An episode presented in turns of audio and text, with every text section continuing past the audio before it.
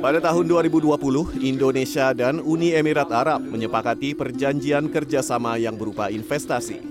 Uni Emirat Arab diketahui akan menanamkan investasi sebesar 314,9 triliun.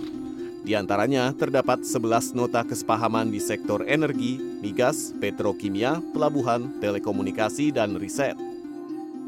Dalam roundtable meeting pada 1 Februari 2024, pemerintahan Uni Emirat Arab bersama kedutaan besar turut mengundang Erick Thohir dalam kapasitasnya sebagai Menteri BUMN untuk membahas investasi. We had an amazing meeting. We are aligned together to promote investments in Indonesia. So definitely we are keen and, and the representatives of uh, the UAE delegations and the diversity showed you how much interest we have in investing in Indonesia generally, in the uh, sectors that the government selected, among them green energy uh, and logistics and infrastructure, as well as uh, investing in food and food security in general in Indonesia. Salah satu sektor infrastruktur yang sempat diperbincangkan adalah investasi berupa tram yang akan dibangun di Bali.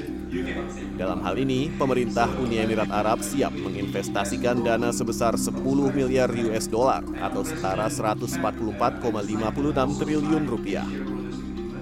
Di sisi lain, Menteri BUMN Erick Thohir menilai kerjasama yang dibangun antara Uni Emirat Arab dan Indonesia membuahkan hasil yang positif. Kedua negara terus mengeksplorasi peluang kerjasama di beberapa sektor lain seperti ketahanan pangan. Nah, ini hal-hal ini yang kita eksplorasi terus-menerus ya.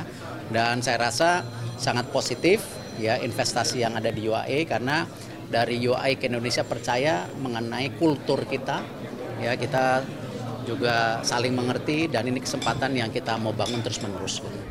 Beberapa sektor yang akan diinvestasikan Uni Emirat Arab di Indonesia seperti energi, logistik, dan infrastruktur belum diketahui besarannya. Namun dengan adanya pertemuan tersebut, Erick Thohir yakin dapat membuka peluang investasi bagi negara-negara lain. Noval Zakwan, Arif Tidiawan, Jakarta.